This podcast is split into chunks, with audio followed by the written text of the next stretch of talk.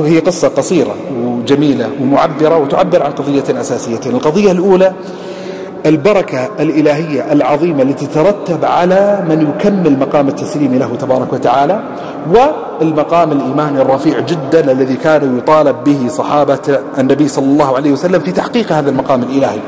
أحد الصحابة اسمه أبو رافع كان عنده قدر. القدر هذا كان يطبخ فيها شاه رضي الله عنه وأرضاه مر عليه النبي صلى الله عليه وآله وسلم يسأل أبو رافع رضي الله عنه وأرضاه يا أبا رافع ما في القدر يا أبا رافع؟ ما في القدر يا أبا رافع؟ فيقول له أبو رافع رضي الله عنه وأرضاه شاة أهديت لنا يا رسول الله فأنا أطبخها. شاة أهديت لنا يا رسول الله فأنا أطبخها. فيقول النبي صلى الله عليه وسلم لأبي رافع وجلس عنده قال ناولني ذراع يا أبا رافع.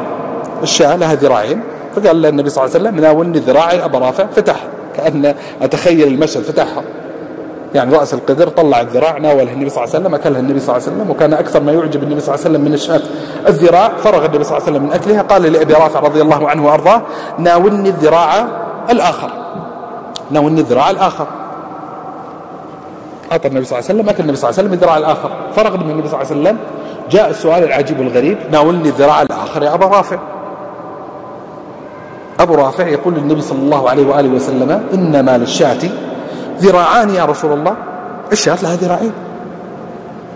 يعني ما حتى ما صاغ بصيغة أكثر كما يقال لباقة. يعني ما قال لعلك نسيت يا رسول الله.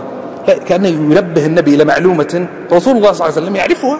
إنما للشاة ذراعان يا رسول الله. فيقول له النبي صلى الله عليه وسلم لو سكت يا أبا رافع لناولتني ذراعا بعد ذراع ما سكت. يعني لو استطعت أن تحقق هذا المقام الإيماني استطعت تتجاوز هذا الانطباع المادي القائم الموجود في نفسك لو استطعت تتجاوز هذا السؤال تسلم كان فتحت القدر ووجدت في ذراع آخر. وكانت تناولني إياه وتناولني إياه وتناولني إياه حتى تتكلم. لاحظ البركة الإلهية في التأثير في الماديات يخلق حالة من حالة خوارق العادات ويعبر كذلك عما كان يريده النبي صلى الله عليه وسلم من صحابته من مستوى إيماني رفيع.